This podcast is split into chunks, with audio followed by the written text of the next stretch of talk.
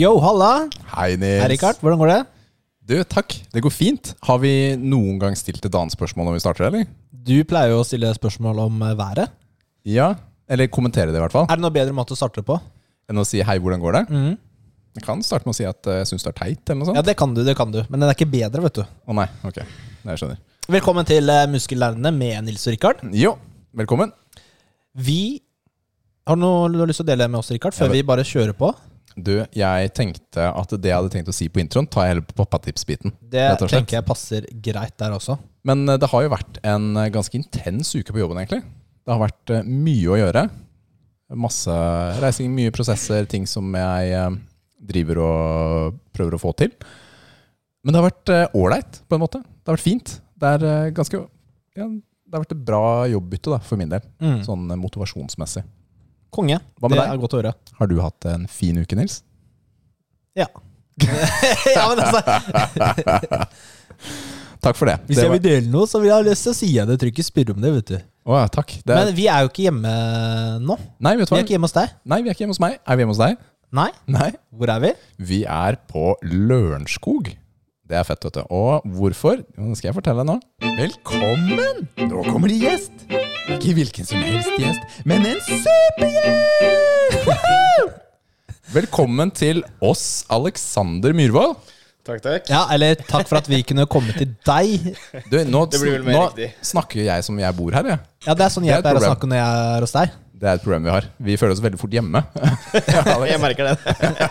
Slått dere til ro og bare slenger ut alle ledninger og og fyller på, ikke sant? Det var så ryddig og rent der da vi kom. Det Og er nå er det det bare sånn spamma Ja, nå ser det helt bomba ut, men, Ja. men det får være, da. Vi får se hvor Vi, mye vi vi, tar med oss. vi lover at Rikard skal rydde opp etter oss. Ja, men i all verden! Frekk, ass. Ja. Frekk, ass. Du, Alex, hvem er du? Jeg er Alexander Myhrvold. Jeg driver med fitness, og det er vel hovedsakelig grunnen til at dere er her, regner jeg med. Det er det. Det er en av grunnene. En av grunnene. Ja. Du er jo, fordi du er jo uh, IFBB Pro. Stemmer.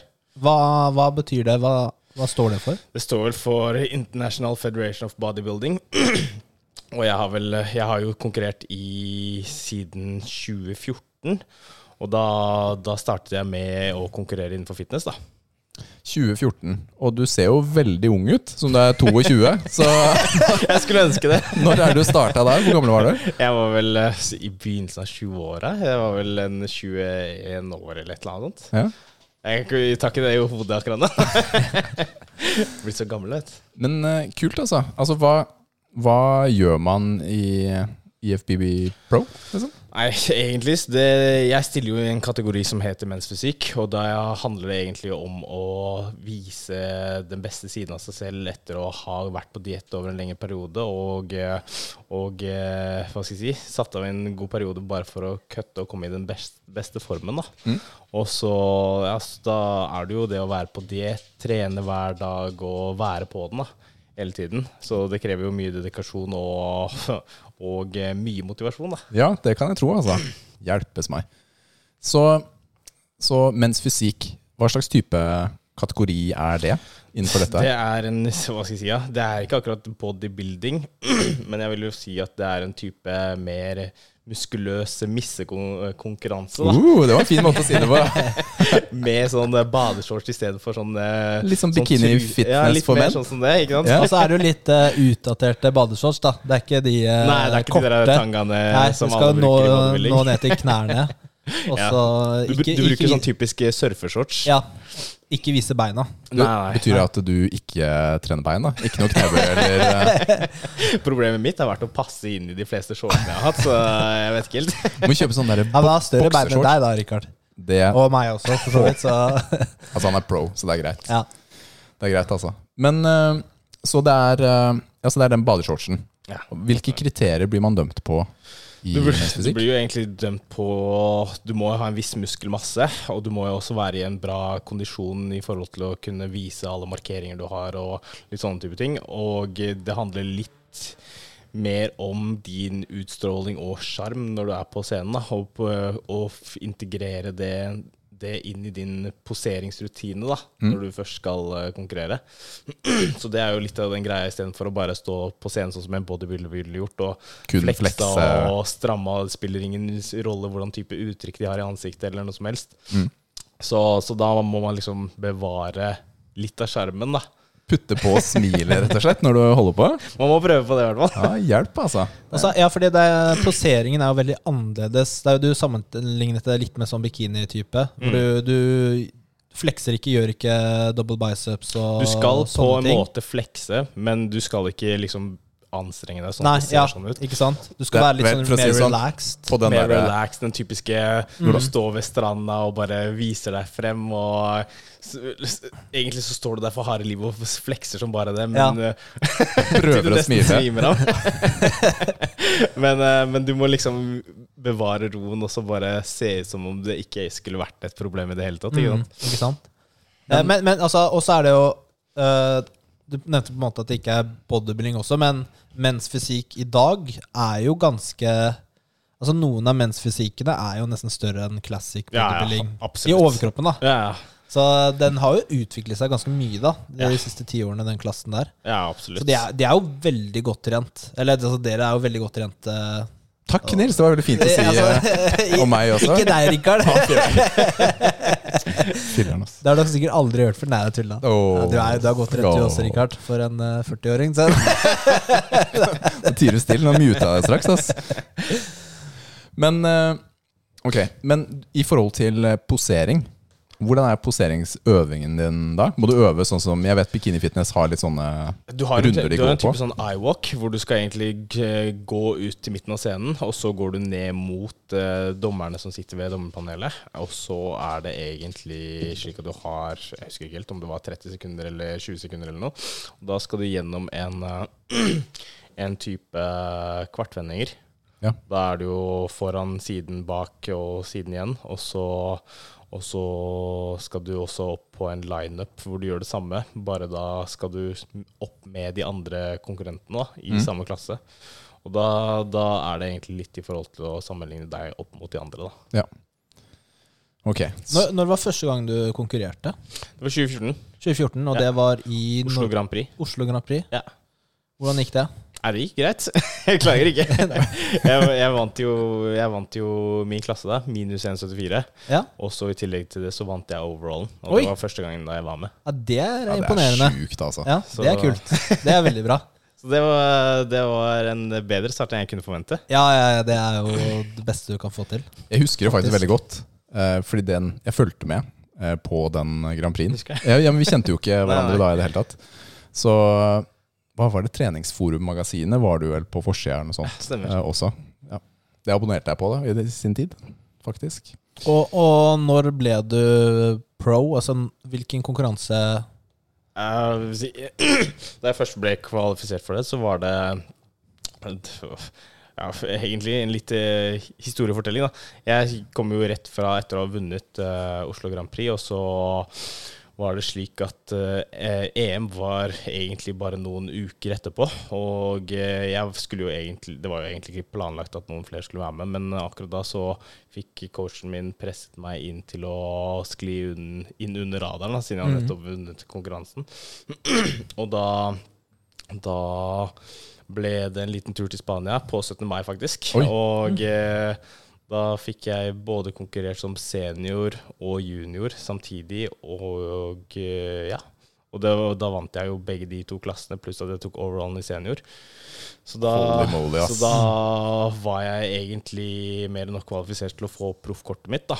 Men, men siden men siden jeg nettopp hadde starta, så følte jeg liksom jeg følte meg ny og litt Hva skal jeg si, ja, eh, ikke helt komfortabel til å gå over til å starte, starte som proff. da. Så, da. så jeg tok også drøyde den litt lenger. Og var med som amatør et halvt år til. Da, da tok jeg med meg noen konkurranser sånn som eh, eh, Norway Open, som var i Fredrikstad. Mm. Og der vant jeg også min klasse overall. Og så var jeg med i Arnold Classic. Og da fikk jeg en, en gull i overall junior og eh, sølv i senior.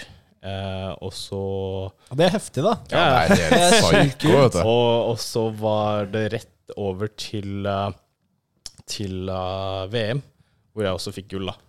I min Ja, det er jo et sjuk start. Så, så da, da etter det året var over, så tenkte jeg da Nå har jeg fått gått gjennom egentlig alt av de forskjellige konkurransene jeg ønsker å være med på. Så nå legger jeg opp og pensjonerer meg. Nå har jeg vunnet alt. Så da, da tenkte jeg da, Nå gidder jeg ikke mer. Nei, da. Men da, da valgte jeg å gå proff, da. Hva, hva er den kuleste konkurransen du har vært med i? Er det en av de du har snakket om, eller er det noen som kom senere? Det er vel egentlig Jeg har jo mest minner fra de første konkurransene, så det er jo da det Hva skal jeg si De som, de som uh, var veldig viktige for meg, da. Og det var da jeg ga 110 og sto på hele tiden, liksom. Og Man er jo så sulten i starten òg, ikke sant? sulten, ikke Ja. Mm. Så, så jeg er jo fortsatt den når jeg konkurrerer i dag, men jeg føler liksom Da var alt så nytt, og det er den følelsen av å bare plutselig hoppe i det, da. Mm. Kult, altså. Arno, har du møtt Arnold, eller? Ja, Ja ja, sier han. Det er liksom, står, står helt øverst på lista over uh, folk jeg kunne tenke meg å møte. ass. Møtte han to ganger. Møtte han to ganger, ja. Kult. Var han på Arnold Classic òg, eller? Ja, han var på Arnold Classic, og så var han på Så har jeg møtt ham på Gold Gym. Ja, ja, han henger jo litt der, han.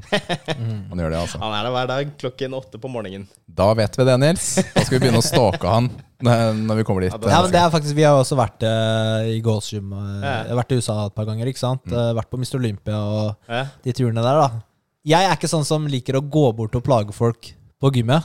Jeg er det. Mens Rikard er det. altså, Rikard stirrer på folk så skikkelig. Og så, altså, altså, han det begynner å bli kleint, sånn at de kommer bort til ja, han det, ja, det er akkurat det som skjer. Jeg måtte beherske meg da et sted, for jeg hadde signert på at jeg ikke skulle gå og plage noen. Husker du det ene gymmet i, i Vegas? Ja. Så sto det liksom 'ikke gå opp til folk og spør om å ta bilde'. Og det, det sto der, liksom? Ja, ja, så jeg gjorde ikke det der. Var det den derre City Atletico Ja, den derre svære Ja. som vi var på. På denne. Ja, ikke sant? Men det var jo det andre. Der var det mange Der var det jo mange Store folk. Mm. kjente folk, rett og Var, slett. det, var det under Olympiahelgen også? Ja. ja, ja. Da går kan jo- vi regne med at alle er Ja, der, ikke sant? Men så fant vi jo et annet eh, gym eh, som var mer Ja, for den er praktisk ganske å gå dyr. til. Den, den City Atletico kosta jo sånn eh, Det var ganske mye, ass. Det var dyrt. Droppen var 400 kroner eller noe sånt. Ja, det er mye. ass. Så vi fant et annet eh, som var mye billigere. da 10 dollar for 24 timer. Ja. Da får du inn to økter, vet du. Men det var et veldig, Og det der, et men veldig der kom jo faktisk uh, det- uh, Big Grammy og Big Grammy, Ro- Rolly, Så på det. Sergio Sergio De Olivia. hadde sånn, skulle ha sånn footshoot uh, der, da. Ja, så vi fikk jo møtt flere av dem som- hvor de bare var der og Altså vi var og trente, de var der og tok bilder. Ja, det Og det var helt casual. Det var ikke noe stress i det hele tatt. Det var nei, fordi det var, Random, ass. det var ikke noe press på gymmet, da. Det Mm. var, og så står liksom bestefar der borte og løper litt, og Ja, så står en annen der. liten kid der. Det er ingen som var Så står de ved speilet og flekser og Ja, og så står det kamera og skriver for eh, Men's Health, eller hva det var. Ja. eh, tok bilder for. Så det var, det var ganske kult. Kult. Men du har jo, eh, du har jo utviklet deg ganske mye da fra 2014 til uh, i de senere årene, sånn fysikkmessig. Ja, du har vokst ganske mye. Blitt mye større, mye bedre form. Ja, takk for det. Ja. Jo, bare hyggelig. Ja, men det er, jeg bare så gjennom eh, noen av bildene dine. Jeg tror Første gang synlig. jeg konkurrerte, så veide jeg vel en eh, 72-75 Mm. ish. Oi.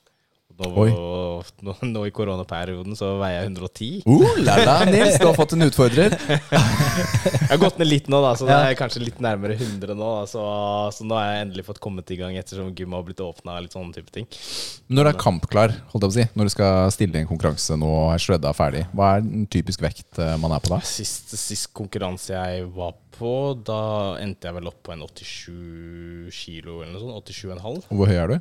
1,74. Ja, det er, det er ganske bra vekt, det, altså. Ja, På den, eh, på den høyden. Shit, ass. Det er eh, Jeg er ti 10 cm høyere enn deg og veier mindre enn 87.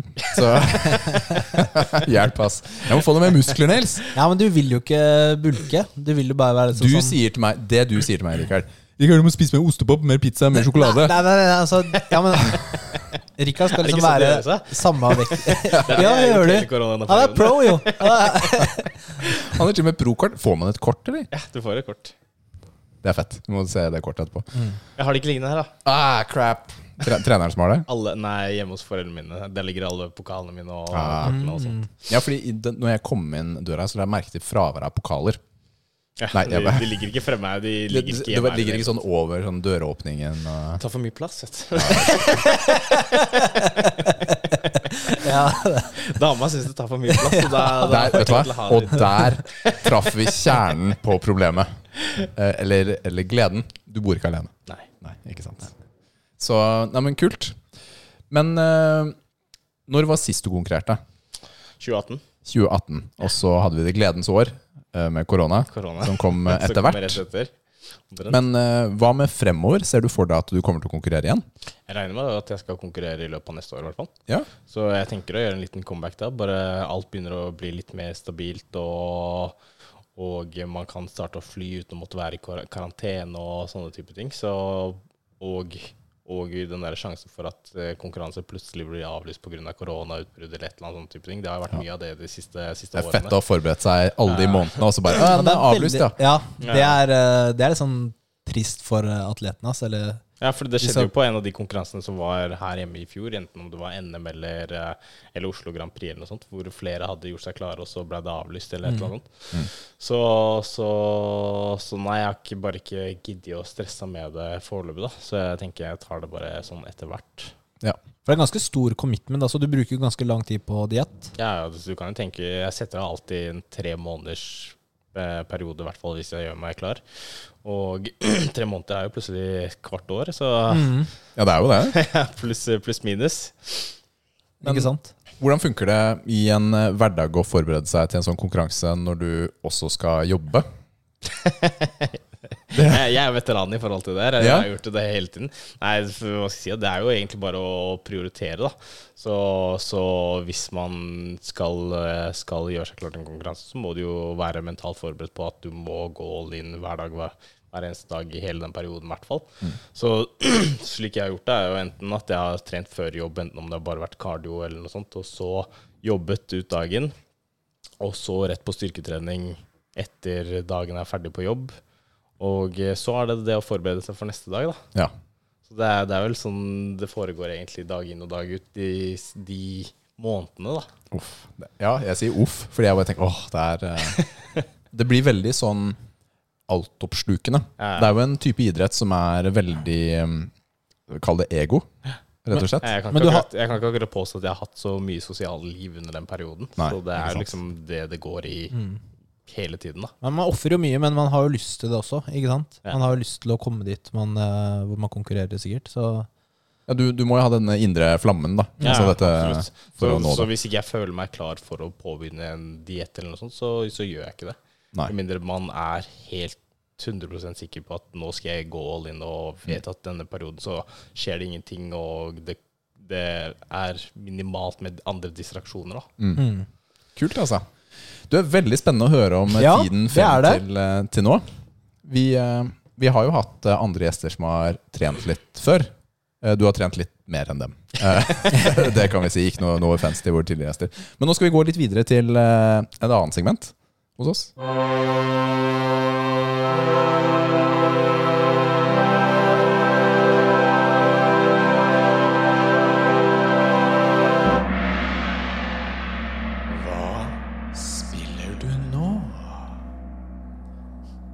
Ja, eh, da skal vi over på gamingbiten. Og Alex, du trener jo ikke bare. Du, du spiller litt også, gjør du ikke det? Jeg er en stor gamer, jeg. Ja, det er kult, vet du. Det liker vi. Ja, vi gjør det Ja. veldig. altså. Det er jo disse historiene dine på Instagram blant annet, som avslører at dette er en del av livet ditt også. Det er en stor del, i hvert fall blitt de siste, siste årene. Men det har alltid vært, helt siden jeg har vært eh, liten og, en liten kid og hadde en Gameboy og Nintendo 64. Så, så min gamingkarriere starta jo tilbake da med Zelda og litt Mario og litt sånne Åh, det er deilig å høre, altså. Det er ikke, det er ikke noe nytt, liksom. Du har vært Nei, der hele nei, veien. Så jeg har vært der hele veien. Så det starta jo med Nintendo.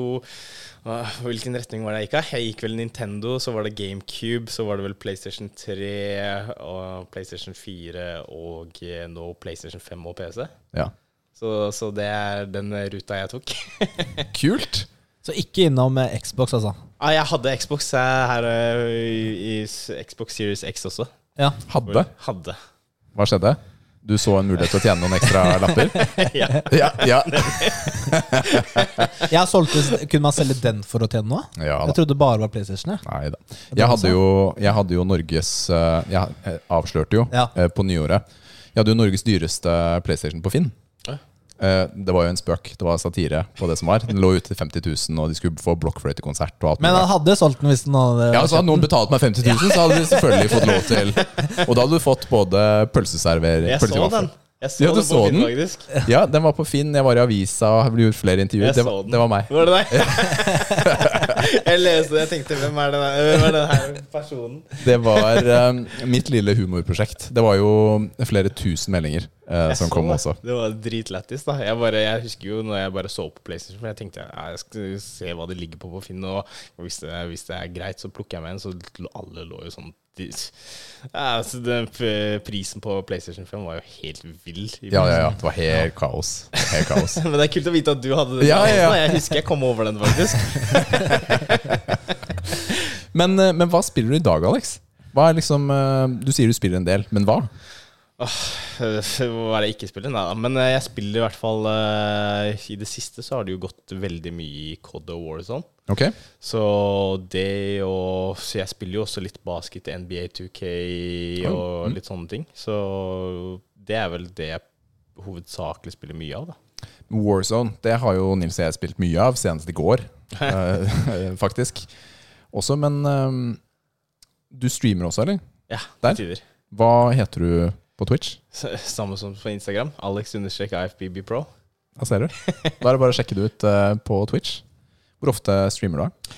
Jeg gjorde Jeg streama vel eh, en to-tre ganger i uken eh, under koronaperioden. Og så ettersom hva skal jeg si, ja, det gymmet åpna litt sånne type ting, så ble jo det jo det prioriteringen igjen, da. Ja.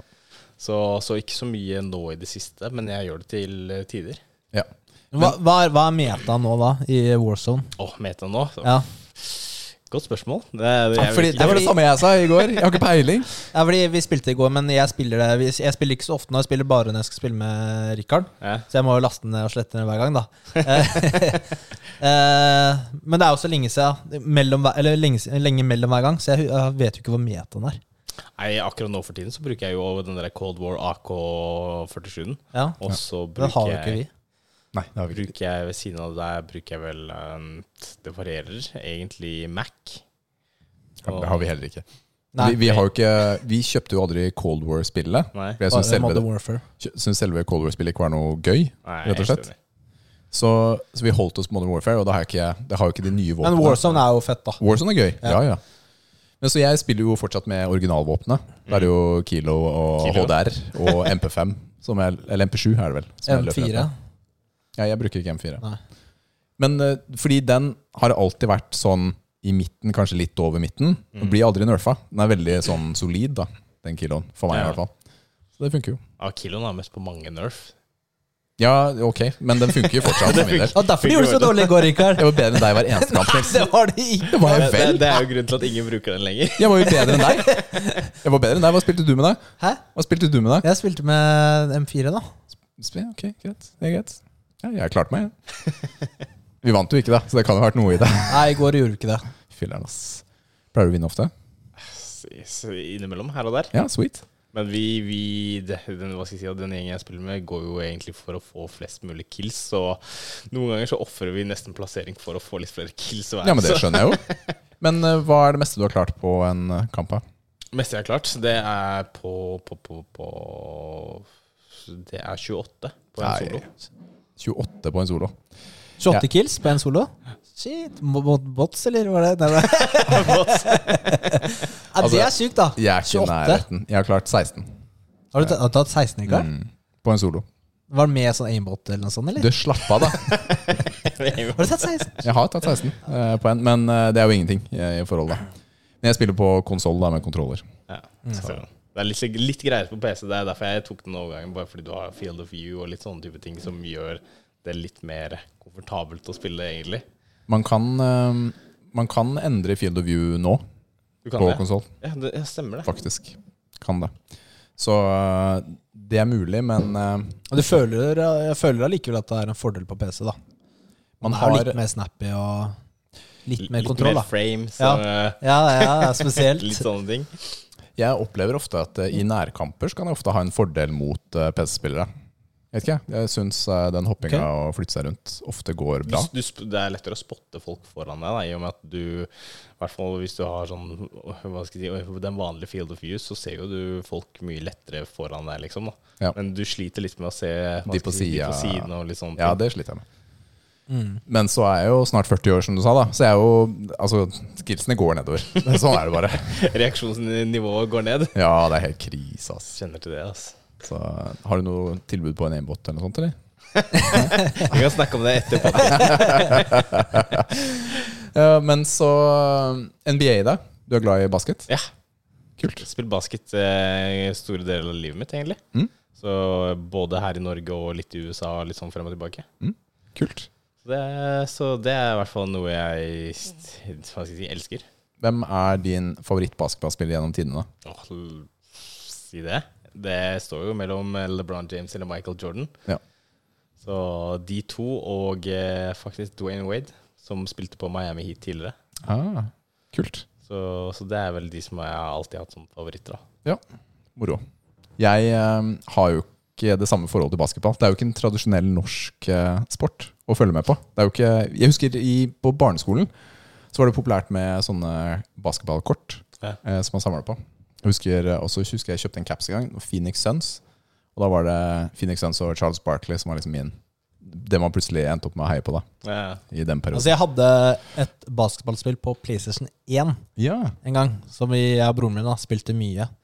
Eh, da var vi Lakers, da. Eh, ja. Og Nils, hvis vi skal gå videre til hva vi har spilt Vi har også spilt et basketballspill. ja, sant det. sant det Fordi vi, eh, vi fikk jo av en gjest eh, Vi fikk en Amiga. Nei, Hva var det for noe? Atari. Å ja. jeg skrev Var det, var det Hva er Amiga? Er det, er, det, er det et ord? Det er en annen maskin. Ah, det, Et ok, så det er en annen maskin, ja. Atari, ja. Fy har Vi er, vi eh, er en podkast Ja, om spill, er- trening og pappating, og tar stor stolthet i å kunne mye. ja, men husk, husk på at jeg er, så, jeg er så ung, vet du, så jeg husker jo ikke noe fra den tida der. Ja, Vi har testet en Atari. Vi fikk en sånn Atari eh, Av en tidligere gjest fra ja. Remi.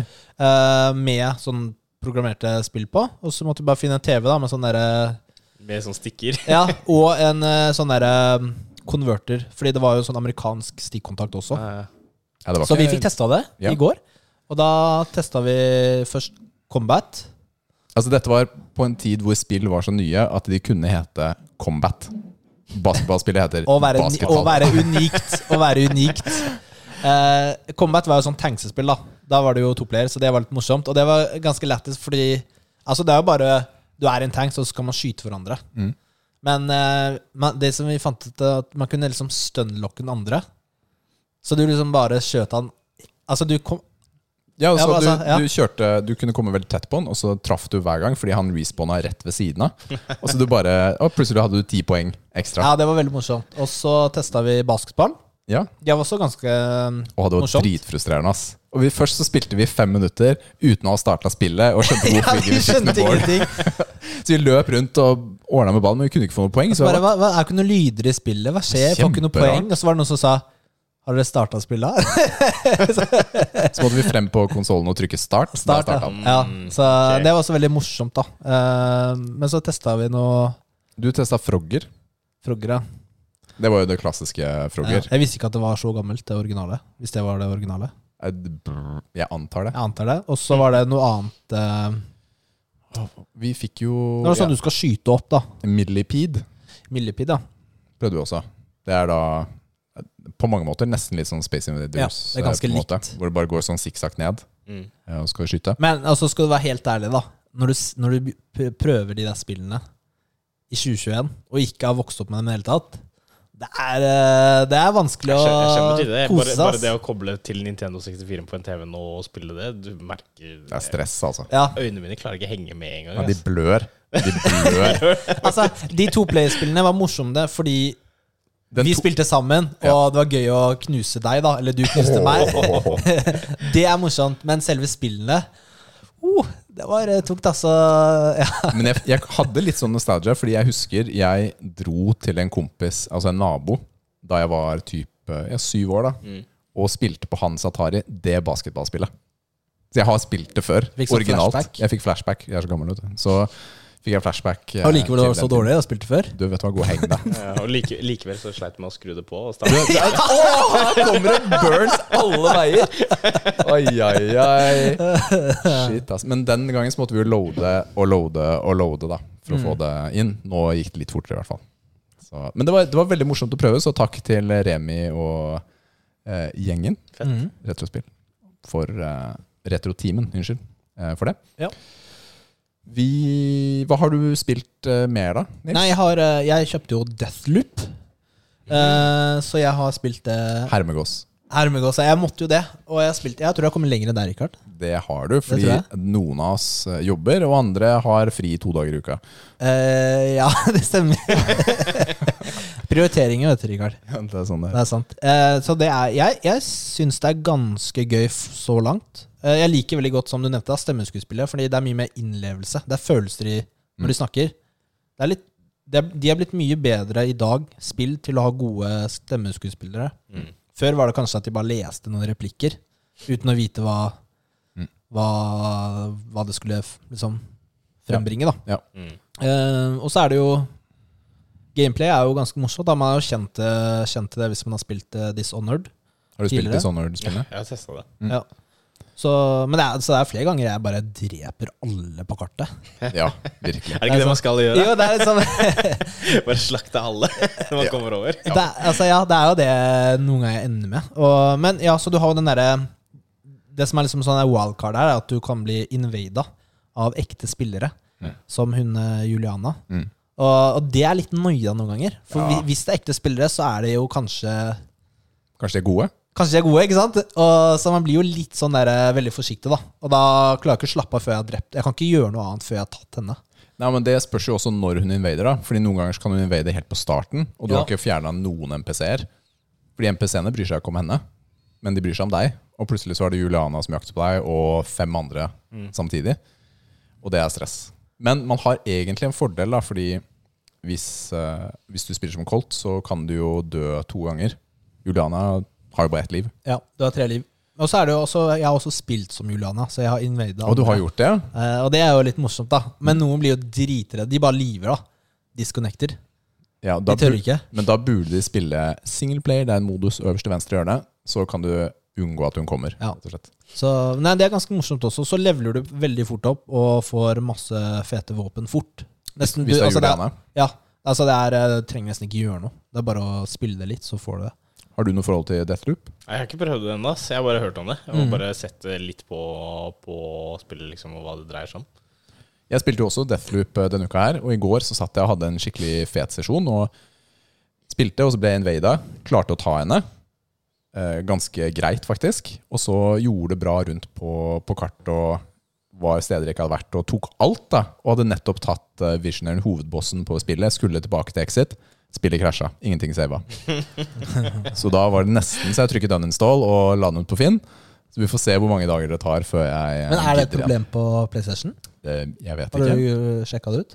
Nei, men jeg blir sint, og da Jeg, jeg liker ikke sånne feil. da når, når, Jeg har så liten tid til spilling at når jeg må gjøre det samme på nytt, Åh, så blir jeg så irritert. Ja, det skjønner jeg. Jeg blir så irritert, og da får jeg litt sånn anti mot spillet. Mm. Så nå, akkurat nå så trenger jeg noen dager på å roe meg ned eh, til å, å spille noe annet. For å Mm. Jeg, kjenner til det veldig godt. Sånn som jeg har en sånn Eller hvis jeg har vært mot en sånn der bossfight og dauer sånn konstant hele tiden, så da, da, da, jeg av. Jeg gidder ikke mer, ass. Har du, har du, Da- spilt, eh, har du spilt Souls-spillene, eller? Bloodborne og sånn? Nei, jeg har ikke prøvd det. Ja. Da, Men jeg har hørt, jeg har hørt mye historier om det. ja, shit, ass.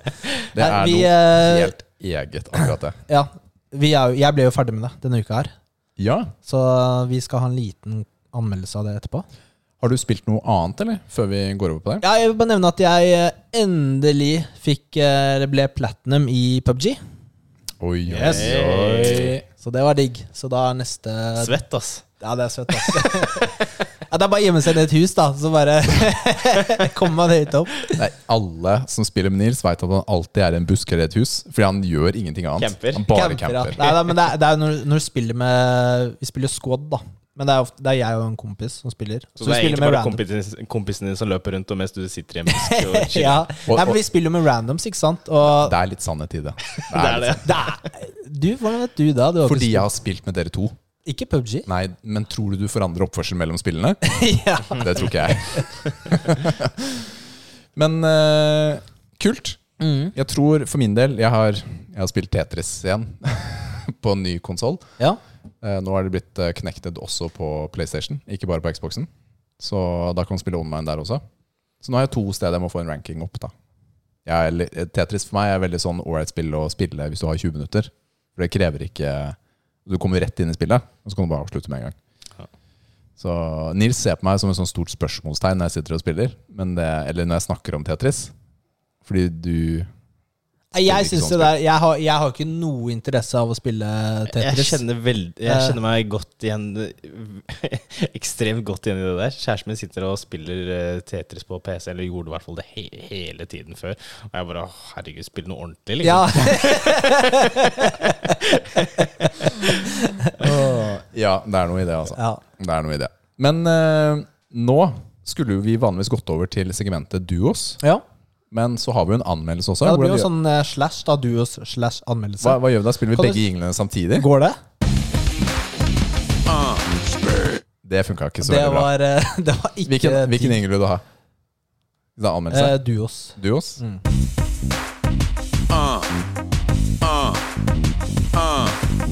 Duos.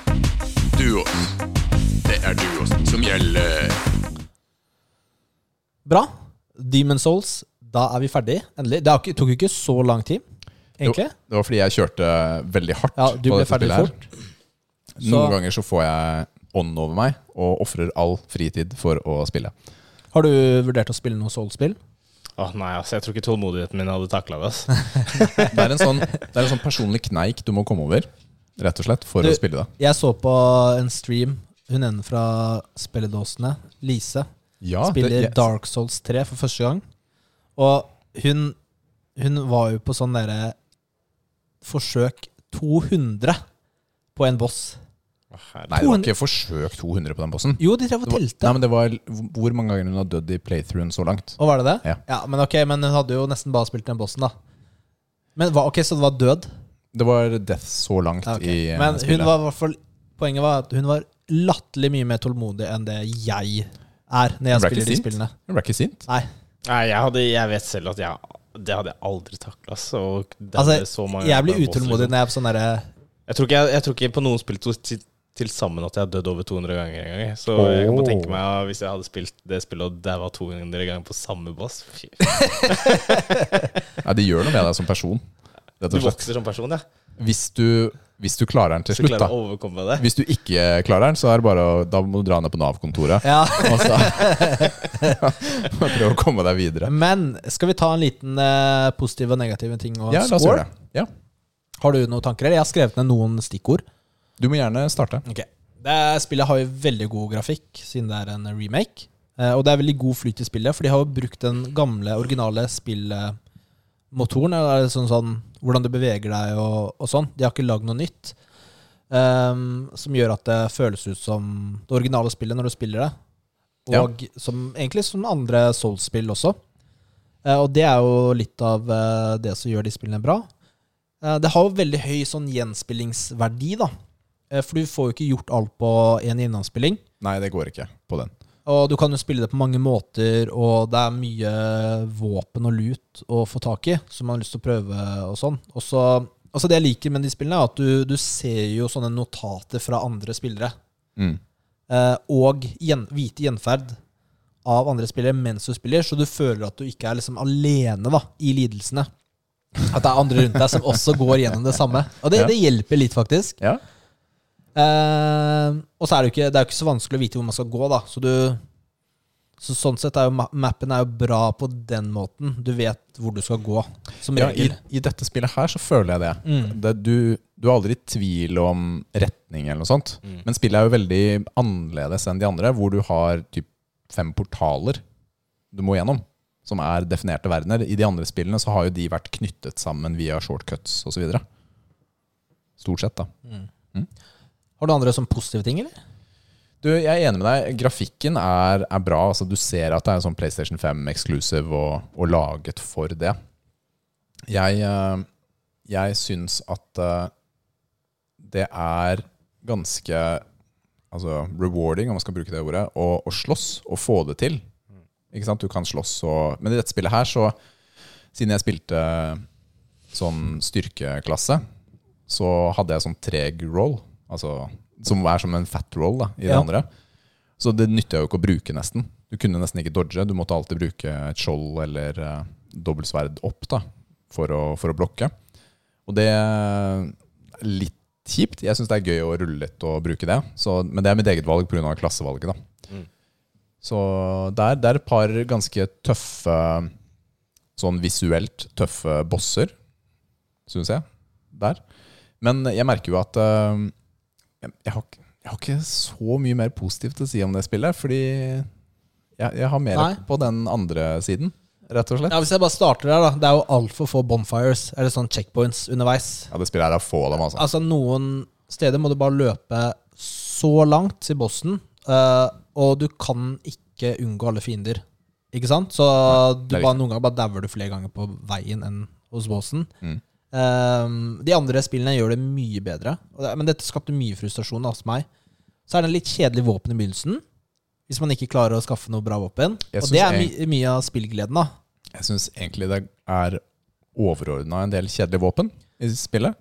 Uh, og så er det altså, Det er veldig stor variasjon på vanskelighetsgraden på bossene. Fordi noen er jo så lette at du kan bare se på dem, så dør dem. Mm. Mens andre knuser deg, liksom.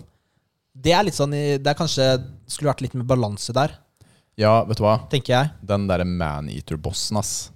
Jeg sleit så fælt. Ja, Da hadde jeg jo ikke de råeste våpnene, eller hva det er. Bare døde igjen og igjen og igjen og igjen. og igjen, og igjen, og igjen. Ja. Andre ting du vil legge til der, eller? Jeg syns uh, dette i forhold til rustninger og sånt også er litt kjipt. Fordi ja, jeg hadde noen forskjellige, men in the end så oppleves de som ganske like. For meg, i hvert fall. da Så jeg brydde meg jo ikke. Jeg gikk jo rundt i det samme hele tiden. Hele spillet. Jeg kunne runda hele spillet med den rustningen jeg fikk da jeg starta. Uten at det hadde vært et problem. Men den hjelmen til han eh, du fikk, den bra, Bramd, Bramd-våpna, den er jo ganske fett. Uh, her kan jeg ta noe kritikk på at da var jeg så ferdig med rustningsgreiene at jeg aldri testa engang. Ok, du sjekka den ikke ut? Nei. Eh, men altså, uh, før vi går over til scoren, Rikard. Nå høres det veldig negativt ut, da. Men hva er de topp tre bossene dine? Hva er de feteste bossene? Feteste bossene Ja. Oi. Eh, ta dine først, skal jeg bare ok, ja, Jeg ja, så måtte jeg sjekke. Eh, jeg tenker eh, Old King Alliant som nummer én. Ja. Penetrator. Men du mener da siste boss, ikke sant? Ja, altså han Nest vanskelige? siste boss. Ja, nest siste ja, boss. Ja, ja. Eh, og Flame Lurker. Ja. For de er eh, De er relativt vanskelige. Ja. Og du må lære dem å, å kjenne. Må, det er en utfordring, da. Og det er litt morsomt å klare dem. Jeg er, eh, jeg er enig, faktisk. Fordi jeg driver og ser over bossene, og jeg syns eh, bossene Ok, de så kanskje litt kule ut, men jeg hadde det morsommere med bossene i de andre spillene. Ja, jeg er helt enig. Rett og slett fordi grunnen til at han siste bossen var fet, var fordi han hadde forskjellige mekanikker, og han oppførte seg litt, litt som en magiker og litt som en sånn uh, knight. Penetrator liker man fordi han er en knight, rett og slett. Som er uh, litt sånn vanlig i en boss. Og Flameworker er et dødsfett monster. Men så ser jeg over listen over de andre bossene. ikke sant? Falangs, den første du møter. Det, er det blob-monsteret. Ja, Hva er det for noe? Ubrukelig. Tower Knight. Skal bare slå den på hælen, så dør den. Uh, så har du Armor Spider. Den er litt kul, på en måte. Der må du lære noen sånne mekanikker i forhold til at han kaster ut uh, olje eller hva det er. Begynner å brenne. Dragon God ser fet ut. Visuelt den kuleste bossen, fordi han er sånn der gigagud. Men eh, det er jo bare Du skal press two buttons, og så er den død. Mhm. Mm, kjempekjedelig, egentlig. Ja. Maneater kan jeg like. Den hadde jeg kanskje på fjerdeplass. kan jeg ja, like. Den, den vurderte jeg. den er vanskelig, men uh, Ja, det er det okay. som gjør det litt bra, egentlig, at det er litt vanskelig. Odd Monk, der er jo meningen at du skal møte en ekte spiller. Det også kan være litt morsomt, da, på en måte. Ja. Men jeg møtte en som var veldig dårlig, så det var, eh, Ja. det var ikke noe morsomt.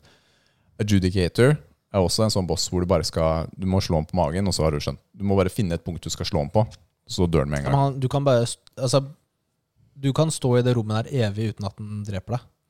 Old Hero, det var han Hercules-type bossen. Ja, han kan Litt litt, kul. bra. Litt, Litt bra. kul. Ja. Storm King, det var den derre um, svære Rocken. rocken. Det er litt kult, den mekaniske. Du må finne ut det som skal, hvordan du skal slå den. Leechmonger, det var en av de enkle bossene. ikke sant? Mm. Visuelt veldig tøff, fordi han er et sånn der um, Iglemonster. blodiglemonster. Dirty Colossus, helt ubrukelig. Eh, Ja. teit. Og samme Maiden Astrea. Ja. Altså, nei, nei, jeg syns det er underwhelming. Ja, det er egentlig det. eh, Det er det. det, er det. Du har helt rett i listen din Ja. i de tre. Hva skal vi score? Skal vi si eh, samtidig, eller? Ja, det er greit. Er du klar? Jeg er klar. Én, to, tre. Seks av ti. Fem. Ja. Da blir det seks av ti biceps på Altså, Demon. Souls. Ok, du tok den opp. Det er greit. Det er greit.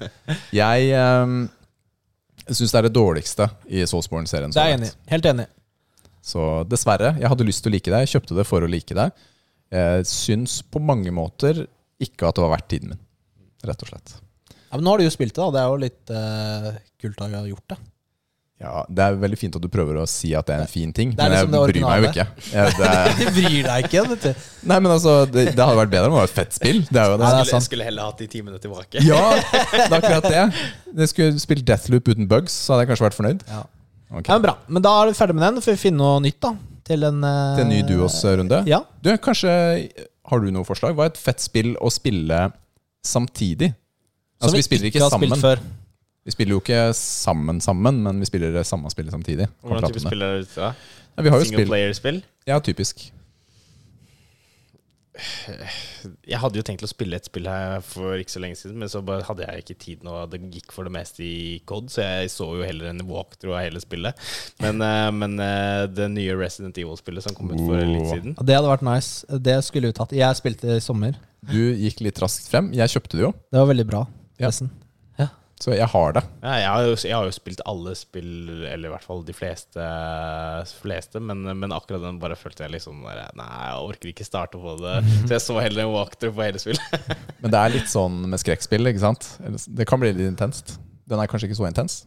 Ja, Det var veldig actionprega, så det er veldig gøy sånn sett. da Kult. La oss gå og bytte tema igjen. Yes. Nå er det trening!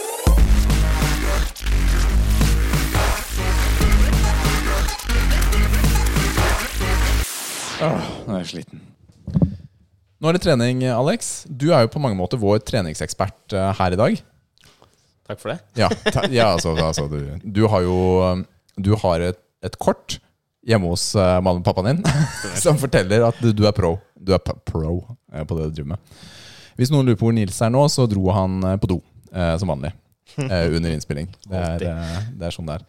Men eh, når, når var det du begynte å trene selv, Alex? Jeg starta vel egentlig å trene Det var vel tilbake da jeg var 16 år. Jeg Ja. vel Jeg har jo alltid drevet litt med det ved siden av mens jeg har drevet med litt sånn idrett og litt sånne ting, men sånn å komme ordentlig i gang med rutiner og trene og ta det litt seriøst, var jo egentlig da jeg flytta til USA da jeg var 15-16 år. Og så var det jo slik at hvis man skulle drive med sport, så var det også nødt til å drive med, med vektløfting. da.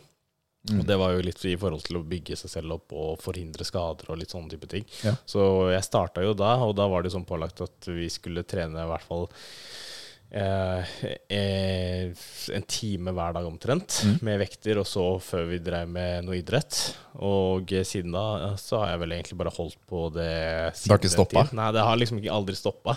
Og siden jeg sleit litt med litt ankler og litt skuldre og litt rygg og litt sånne type ting fra idrett, så har det jo egentlig bare gått, til, gått over til at jeg har bare drevet med styrketrening. da. Ja, så gått litt bort fra idretten. Jeg har gått litt bort fra idrett og så drevet mer med styrketrening ved siden av i stedet.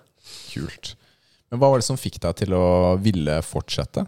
Altså var det det Det var egentlig bare å finne en ny type passion for å bruke opp energien og litt sånne type ting. Da, og og, eh, og eh, hva skal jeg si, ja, prøve å bygge seg selv litt opp. Ja, ja det er noe med det, altså.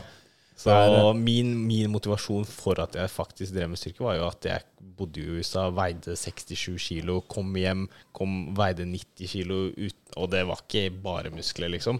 Så da var det jo litt å komme seg tilbake i form etter å få høre fra foreldrene dine at nei, du begynner å se lubben ut. eller Litt sånn. så det var jo min største motivasjon, og da var det jo liksom hver eneste dag jogga ned til treningssenteret, trente, jogga hjem igjen, Ja. og det var jo Det var jo omtrent hver dag. Ja.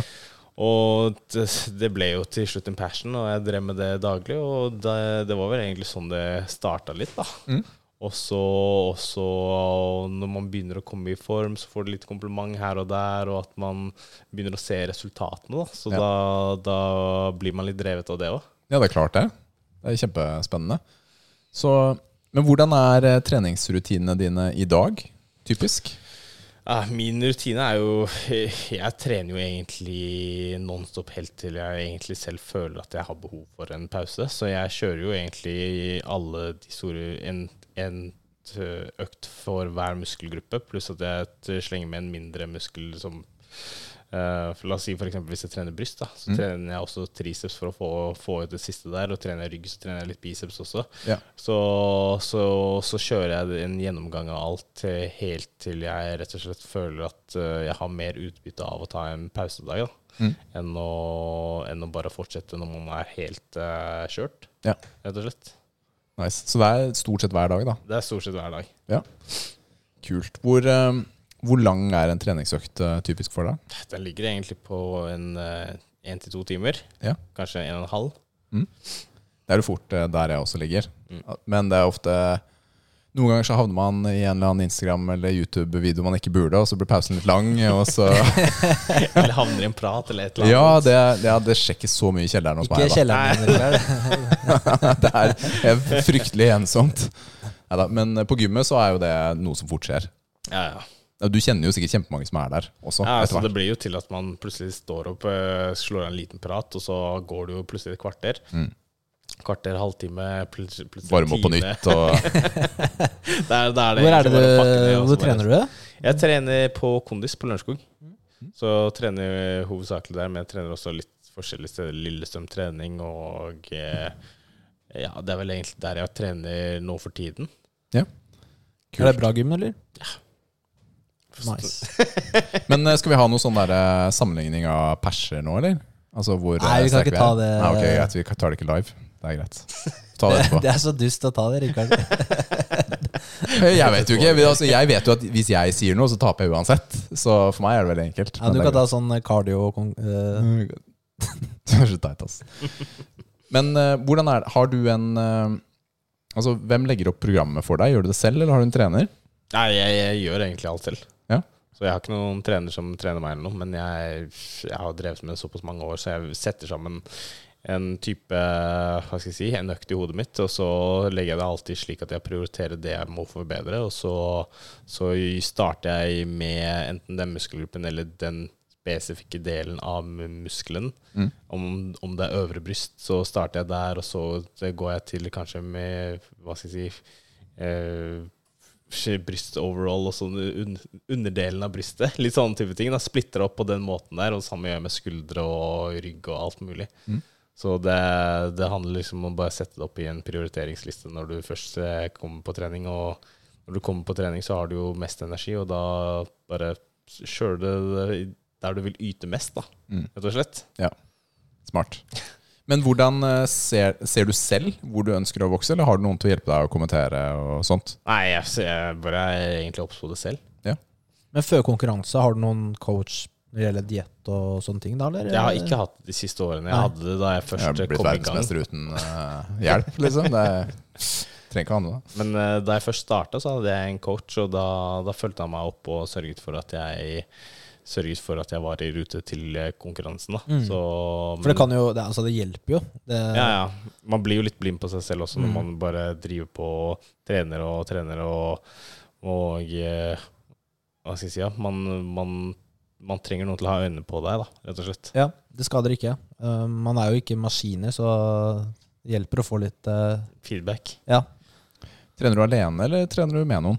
Jeg trener som regel alene. Ja, du gjør det. Du føler at du klarer å holde motivasjonen ja, Jeg, likevel? jeg har alltid trivdes best med å trene alene og så bare ha, på, ha på bra musikk. Ja, Hva slags musikk eh, snakker vi om da? Ah, det, det er vel egentlig alt, alt mulig, for det meste. Ja, Men det går vel vel for det meste i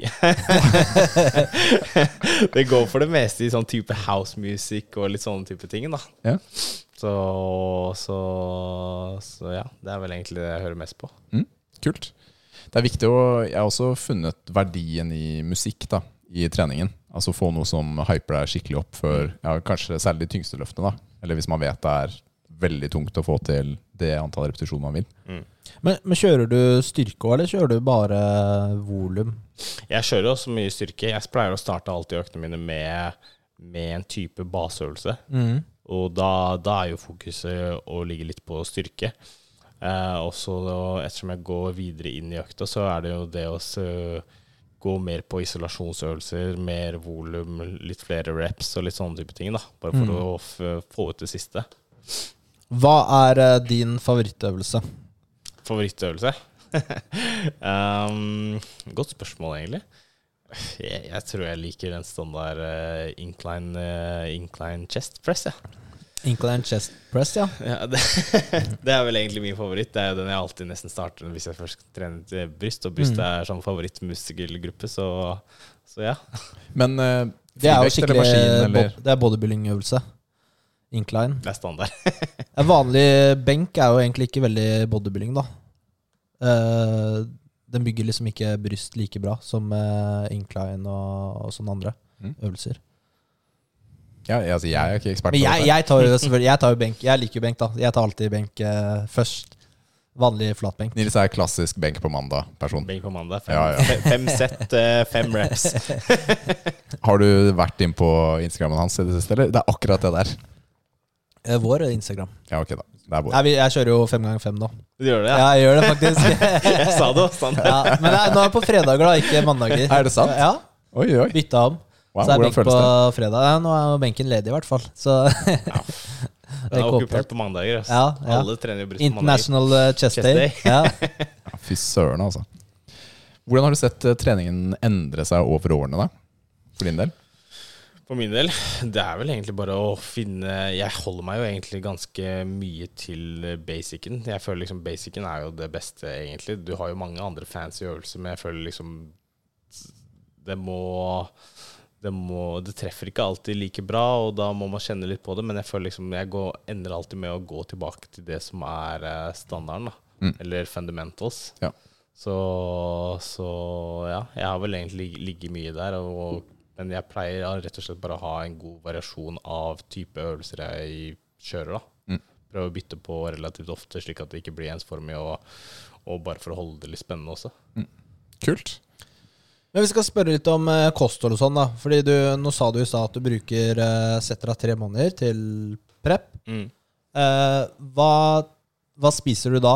Er det liksom uh, kylling og brokkoli, eller er det Eller spiser du liksom med litt mer spennende og teller du kalorier, eller bare tar du på Da jeg, da jeg først starta, egentlig, så var det jo veldig sånn der firkanta. Da var det jo egentlig bare sånn kylling og brokkoli, Mm. kylling og ris og eh, Kjedeligste som man får tak i. Ja. Men det er lett å lage, da. Det er jo det som jeg også. Ja, det er veldig greit å lage og sette stelle litt sånn, liksom. Men, men sånn som det er har gjort konkurrert de siste årene, så er det heller fokusert mer på antall kalorier, og så prøve å fitte inn sånn som alt av kar karbohydrater, fett og proteiner. F- Sette, jeg bruker jo gjerne den der MyFitnessPal. Ja, så tracker den er veldig bra. Så, så det er jo det jeg har gjort de siste årene, og så justerer du den litt i forhold til uh, uh, hvordan type resultater du vil ha. Mm. Om den skal gå ned i vekt eller opp. Så det er litt, litt sånne type ting. Da. Så jeg har blitt eh, mye mer kjent med min egen kropp, da. Og så vet hva jeg kan justere på, da. Mm. Syns, syns du det er vanskelig å være på diett? Ja, det er litt Eller- kjedelig noen ganger. Ja, men det, ja, fordi si det. Nils eh, er jo veldig glad i ostepop. Eh, og vi snakket om det i bilen på vei også. Ikke sant? At åh, nei, nå må jeg begynne å forberede meg på diett. Og det er litt sånn hat eh, for Nils. Men er det hat for deg? Eller er det liksom bare en del av gamet? Det er en del av gamet, egentlig. Men uh, jeg pleier jo egentlig sånn stort sett å alltid spise mye sunt. Men det kan jo også, sånn hvis jeg har noen konkurranse på gang, så blir det jo litt, uh, litt eh, cheat her og der. Og litt ostepop og litt chips og litt uh, smågodt iskrem litt her og der hvis ikke jeg tar det seriøst. Men, men når det er, men når det er konkurransetid, så så setter jeg meg jo av de tre månedene, kjører det helt strengt ut dag inn dag ut, og så har jeg eventuelt en spisedag i uken hvor jeg trøkker i meg det jeg klarer, og så, er det, så, så kommer søndagen, da er det en ny dag igjen, og da starter Ja. man en ny uke. Kult. Mm. Er det sånn du også føler, Nils? Eh, Hva sa du? Er det sånn du føler også på diett? Nei, jeg gjør det jo litt annerledes, da. Mm. Men jeg er jo ikke like seriøs som eh, Alex, da. Fordi Nei. Han konkurrerer jo. Ja, Og har jo vært i mye bedre form enn det jeg har vært. Ja. ever, Så. det er vi faktisk enige om. så resultatene snakker jo for seg selv, ikke sant. All right. Ja, men jeg, ja, jeg, altså jeg liker jo, jeg liker jo liksom å spise Hver dag som jeg spiser jeg noe som er uh, godt, da. Noe jeg har lyst på Mm. på diett. Uh, Ja, for å holde trenger- motivasjonen din. ja, det trenger altså Jeg spiser jo ikke Men da spiser jeg ikke sånn ostepop sånn. Da spiser jeg ting som ikke er så kaloririkt, men fortsatt noe som jeg syns er veldig godt, da. Mm. Så, Ja. Eh, veldig gøy å høre om eh, treningsreisen din og hvordan du holder på. Vi har jo fått en liten utfordring fra Nico. Nikolai Ja. Rockertsen, som var, på, var hos gjest hos oss. for Jeg kan ikke si at jeg var så veldig happy da jeg hørte du Så kjære- sa- kjære Nico. nevnte den. ass Kjære Nico, da jeg sendte, sendte denne videre til Nils, så sa han bare Seriøst. Seriøst.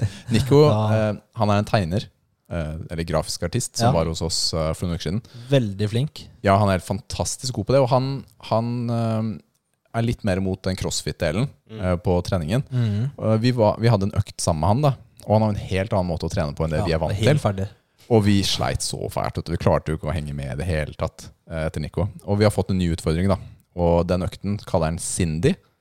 Og dette er også til lytterne våre, eh, om dere har lyst til å prøve. Det er da 20 minutter hvor du skal gjennom en syklus. Da Da er det fem pullups, 10 pushups, 15 air squats. Og så er det bare hvor mange ganger klarer du det på 20 minutter. Og så kan du notere det. Og så da ja, veldig gøy, ikke sant? Jeg gruer meg, jeg gruer meg allerede. Rikard, jeg skal være helt ærlig, jeg kommer til å være så ferdig. Men jeg, har- jeg har planlagt litt, skjønner du. Ja. Jeg tenkte at eh, siden det er 20 minutter, Mm. så kan jeg ikke rushe gjennom for å bli liksom Nå skal jeg ta flere. Nei, jeg må liksom pace det ut, da. ja. Og du tror det vil hjelpe deg? Ja, det gjør jo det, da. Jeg, altså, hvis, jeg bare, hvis jeg rusher, så er jeg ferdig etter fem minutter, og så skal jeg bare ligge på bakken i et kvarter. Bare dø? Men jeg må liksom bare ta det rolig. Og Ok. så, ja. Men ok, Nico. Vi, eh, vi kommer til å ta utfordringen. Vi skal gjøre det. Vi lover ikke at det skjer denne Hva var det uken. siste? Det var pullups og Eh, Pushups og air squats. Altså air bare squats. ja, stående squats, da. Altså opp og ned. Nei, tar man det ikke i lufta. Jeg trodde du skulle Å, ja. hoppe, eller? Hoppe. Hoppe Ja. i squats. Ok, nå la oss google air ja, squats, da, hvorfor vi heter det ikke bare squats uten vekter? jeg, jeg vet ikke, jeg, vel. Fordi du løfter luft? Men eh, ok, så pullupsen er jo den vanskeligste, da. Av de. Det er pullupsen som eh, vil ta deg. Altså, airscots er Det er bare Det er bare kne, kroppsvekt. kroppsvekt. Ok, den er easy. Ok, så, Men det er pullupsen. Den, det er den man kommer til å dø på. Jeg spørs hvem man er, da. Jeg dør på pushupsen etter hvert. Tror du det? Ja, det er den som tar meg. Alltid. Mm, ok, Vi får se. Ok. Altså, ja. Ja, vi skal jo gjøre det her. Ja, vi skal gjøre det. Vi tenkte, vi har jo invitert med en tidligere gjest, Kevin, at han skal være med oss og trene. Ja, lykke til, Kevin. Så vi lurte, lurte på om vi skulle ta hans eh, første runde på treningssenteret med denne, og Ja. så gå videre. Vi skal avslutte med det. Vi skal avslutte med det, ja? Ja, Vi skal først ha ordentlig trening, og så skal vi ta det her, da. Gudnes, altså, jeg hater det allerede. Det er deg altså, Nils, ikke deg, Nico. Så det vet jeg. det vet du. Ja, jeg glemte jo Jeg fikk ikke gi oppdatering på fem ganger fem-armen min. Ja, ok, unnskyld. Ja, vi har ikke gått videre ennå. Fortell. Jeg var på do, vet du. Det var det som var eh, grunnen. Um, vi delte det. Ja, så da er det uke fire på 5x5. Og da ble det Skal vi se 205 i mark. Mm. Det la jeg ut en video på, og det var jo Det var så vidt, ass. Hvordan føltes ryggen etter det? Nei, det er eh, Det går greit, men det er bare så sykt tungt nå at eh, nei, Jeg tror neste uke I morgen, det er søndag i dag, ikke sant? Mm. Jeg tror ikke jeg klarer fem ganger fem på 2,10. Sånn, men da må jeg begynne å redusere repsene. Eh, bøy 170. Ja, du klarte det? Ja. Bra. Eh, det gikk greit, egentlig. Og så benk 155 også gikk greit, da. Så det er Markus som er verst akkurat nå. Så vi får se Ja. hvor vi lander hen. Det er hissig, altså. Jeg begynner å bli litt gira på å prøve ny eh, maks, da. Ny maks, ja. Ja. Men jeg føler jo at du legger opp til at det blir et maksløft eh, etter denne Jeg har lyst til å perioden. gjøre det før denne uka her. Vi Å, får se. å, ok. Ja, men underveis vet du, må sjekke litt. Vet du. Ja, ta en liten Se hvordan det går. kontroll. Ja. kontroll. På alle tre, eller på en av dem? Eh, vi får se. Ok, Dette her ga vi mye spenning til lytterne. Vi får se. vi får se. Kanskje. Ja, men jeg må, jeg må ta det. Jeg Hvilken må, av ta, tingene? jeg må se når det passer. Ok. Ikke sant? Du, jeg, synes, jeg er veldig imponert, Nils. Det går bra fremover. Kult. Det gjør det, ass. Ja. Er det den? Nei. Den her, da? Nei. Den? Ja! Der! Endelig! Jeg fant den! Det er den beste! All right. Da er det proteinbar eh. Oi, oi, shit. Nå hva, hva står det på den? Hvordan ser den? Chocolate. Ja, Det er derfor jeg prøvde å gi det til deg, Rikard. Ja, for jeg er jo tilbakestående, da. Slapp av, da. Chocolate dough Hva er siste biten? Chocolate dough Barbels står det her. Det er jo Ja. merket bare, da. Okay. Så her er det 20 gram protein, så den oppfyller minimumskravet. Den Ja, men er- Barbels er jo en av de nyere proteinbarene som kom de siste årene. Mm. Til Norge, i hvert fall. Uh, og, men de er ganske dyre, egentlig. I Norge. 30 kroner uh, eller noe, er det ikke det? ja. Det er eh, 55 gram den veier. 199 kalorier. 20 gram protein. 20 gram. Så dette er sjokoladeproteinbar. Det ser jo digg ut, da. Nå er jeg litt sulten, faktisk. Så det her Men den, den har også de der ballene på toppen. Ja, det der Kulene. crisp- crisp-kulene på Som alle proteinbarer har nå. Ok. Og så er det, det er sjokolade overtech, og så er det sjokoladefyll. Og her, eh, Alex, kjører vi ASMR. Her smattes det i mikrofonen. Det er Nils eh, ekspert på. Det er egentlig bra at du venter med å spise, fordi Ja, for jeg, jeg snakker å- jo ikke når jeg spiser. Nei, og når jeg stiller deg spørsmål også, så sier du bare mm. Inn. Så den lukter jo ganske mye sjokolade. Ikke så mye proteinbar. Den er, den er veldig sånn plain i midten. Altså Det er bare ett lag. Det er ikke sånn superfancy som et par av de andre vi har sett. Med karamell og, og sitron og sånne type ting. Og de kulene ser ut som de er litt sånn mørke Altså sjokoladekuler. da Det lever, da opp, til- lever opp til navnet, i hvert fall. Chocolate dough. Den er veldig sånn doughy. Ja, den var det. Den er litt sånn doughy. Sånn god, eh, god konsistens på den for det. Jeg, jeg syns kanskje det var litt for, eh, for seig, da. Men eh, smaken var ganske god. Jeg har en karakter i tankene. Vi gir da karakter fra 1 til 10. 10 er best, selvfølgelig. Men 10 er perfekt. Altså det er den beste proteinbaren. Har vi, gitt, er- eh, har vi gitt ti? Vi er kun til Remi sin pudding, Ja, det er sant, det. så, men det var en tier. Men man prøver å tenke liksom proteinbarer Fordi det er jo ikke en sjokolade. Mm. Nå driver jeg og søker sjokolade over hele. Hæ? Han prøver å sammenligne litt. Ja, så det er liksom Ti av ti er liksom den beste proteinbaren, da. Men eh, det er jo ikke kanskje det beste som finnes i verden heller. Jeg syns denne her har veldig god konsistens. Jeg likte veldig godt at, det var sånn, eh, at den var sånn deigete. Dette er en god bar for meg. Gir dere halve karakterer også, eller bare hele? Nei, vi er, vi er ganske harde på det. var, eh, Vi har ikke gitt halve. Nei, vi har ikke gjort det, men uh, Remi kom med en sånn uh, Vi gir biceps, vet du. Det er karakterene. Mm. Og så ga han en sånn eh, hva det, da? syv biceps og en triceps. Ja. En triceps er jo større enn en biceps, da. Hysj, da. hysj da. Ikke Rikard sine, nei da. Burn igjen. Oh, det burner mye her, altså. Shit. Ok. Ja, ok, men uh, hva blir det da? Mm. Er du klar? Oi, skal vi Er, eh, vi kjører på? mm, Ok, jeg har en karakter. Ok, Én, to, tre. Sju. Åtte. Hva sa du? Syv? Syv. Syv? Mm, jeg er villig til å gå til åtte. Okay, men da Jeg er villig til å gå til åtte, faktisk. Ja, for dere sier jo syv. Da lander den på syv, hvis ikke du pusher opp. Mm. Fordi jeg, jeg sto veldig mellom syv og åtte eh, på den her.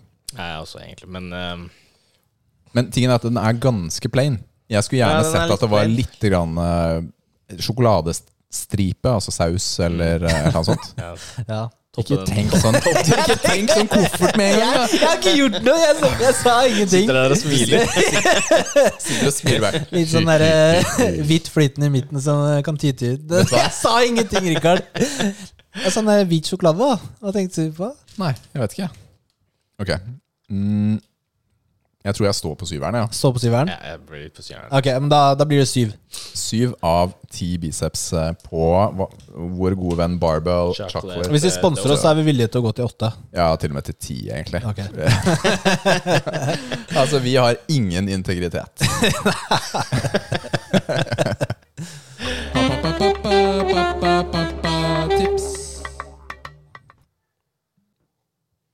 Jeg tenkte jeg skulle dele litt uh, pappatips uh, i dag. Denne helgen her så har jo Liv vært ute på det hun har kalt kusinetur. Så hun har dratt uh, sammen med søstera si og kusine opp på Hafjell og stakk. Og så, før hun dro, så sa hun «Øh, Ja, og så skal Nora sove der, og Ole lurer på om Iver kan sove der, og så litt sånn. Og så kommer Matheo på fredag kveld og sier ja, jeg har invitert uh, tre-fire stykker som også kommer på, på lørdag. Så vi har uh, Altså Nå overdriver jeg litt, og Liv kommer til å banke meg opp hvis jeg sier at det var sånn det var. Men Ja, det tviler jeg ikke på. fordi hun, eh, hun har gitt tydeligere advarsel enn det, og jeg hadde mulighet til å si nei. Så, men tingen er at jeg syns det er veldig hyggelig når barna har venner på besøk. De syns det er veldig gøy. Jeg vet hvor ålreit jeg syns det var å ha overnattingsbesøk og, og folk komme til seg. Så jeg vil veldig gjerne at barna skal føle det samme. da Og at døra alltid er åpen hos oss, og at det bare, bare er hyggelig. Så vi hadde Iver, min lille hva? Nevø? Nevø er ordet. Min lille nevø. Jeg burde kunne sagt hvor mange år han er. Jeg er, er ikke verdens beste onkel på er bursdager. Han er ikke seks år. Jeg bare gjetta. Nei, han er fire eller fem. Jeg, peiling. jeg Unnskyld, Iver. Unnskyld. Men Tror ikke han hører på deg, så det går bra. Nei, jeg tror ikke det, men foreldrene hans kanskje gjør det. Så det er sånn der. Han var et par netter, og Nora, som er da min uh, nise, nese, hun eh, var også overnattet med, til Milla, da.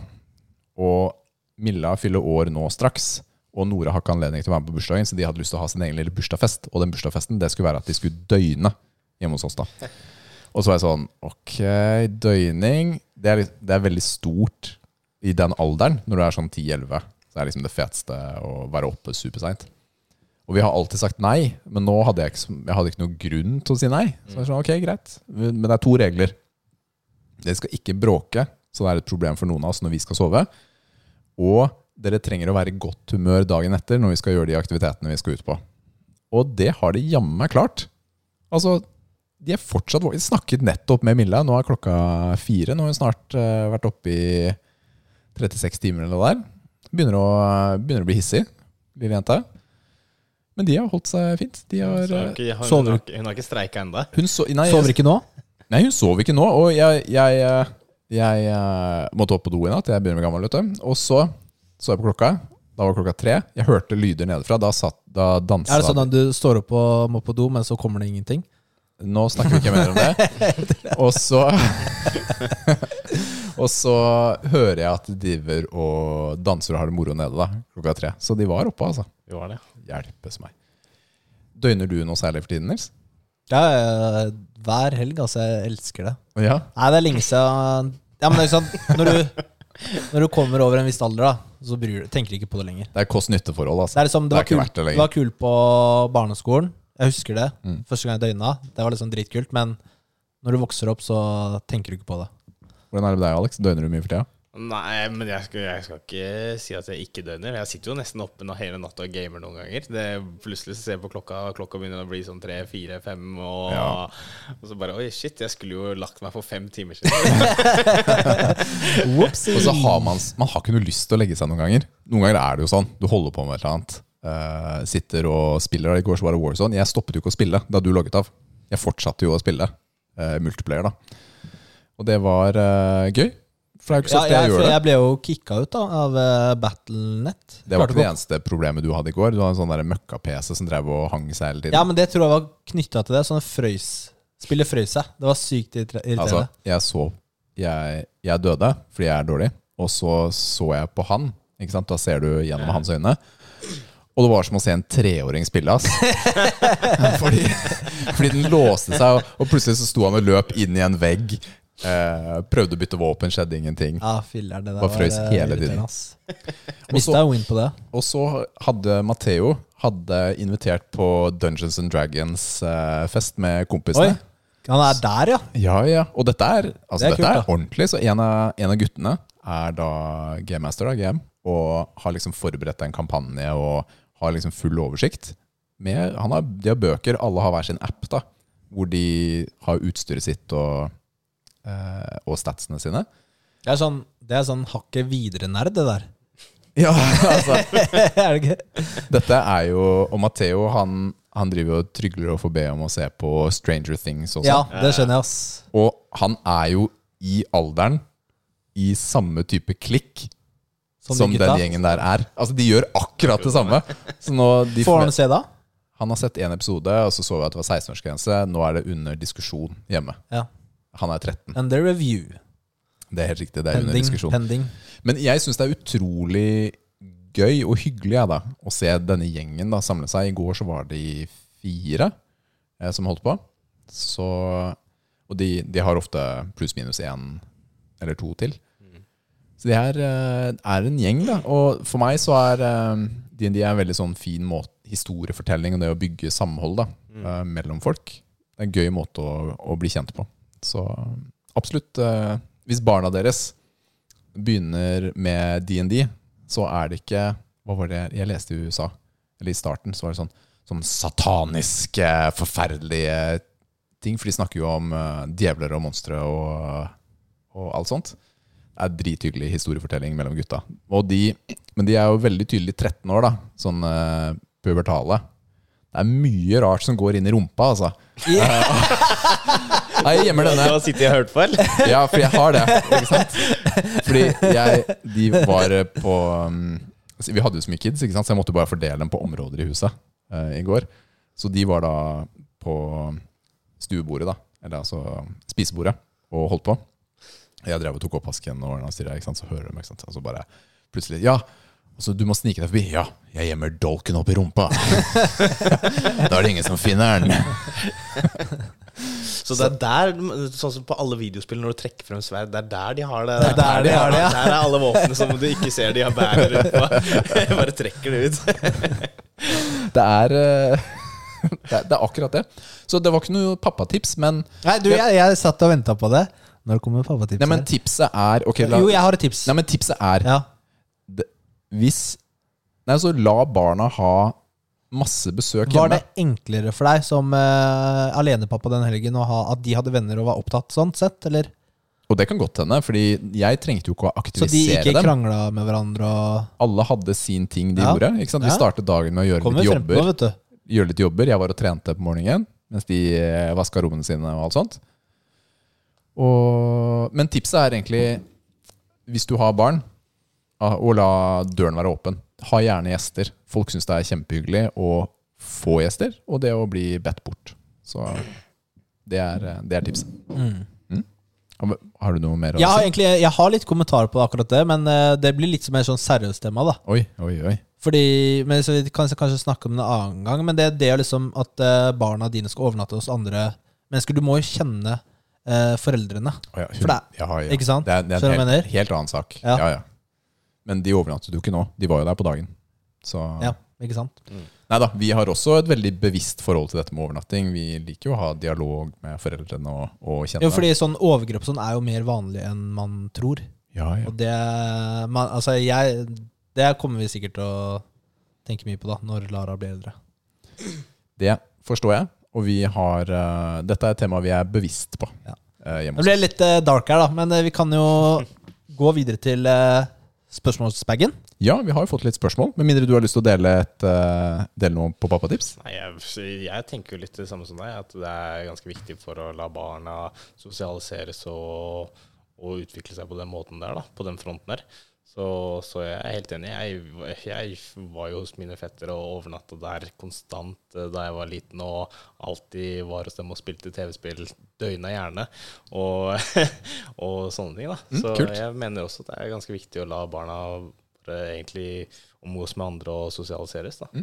Kult, takk. Mm. Jeg var beinhard denne gangen på at Matheo skulle organisere det selv. Fordi han fortalte meg på fredag kveld at ja, jeg inviterte det. Ok, har du invitert på det? Hvilken tid kommer de faktisk? Har du sjekket med foreldrene? Så måtte han gå veldig dypt inn i seg selv da, for å faktisk ringe disse menneskene. Altså kompisene sine, da, og få dem til å komme og, og sånt. Og det, er, eh, det kan vi ta en annen gang, dette med den oppvoksende generasjons aversjon mot telefonsamtaler. Eh, Fordi det er litt tungt, altså, for mange. Både å få en samtale og det å, å ta en samtale. Men han fikk det til. Vi alle kom jo. Ja, bra.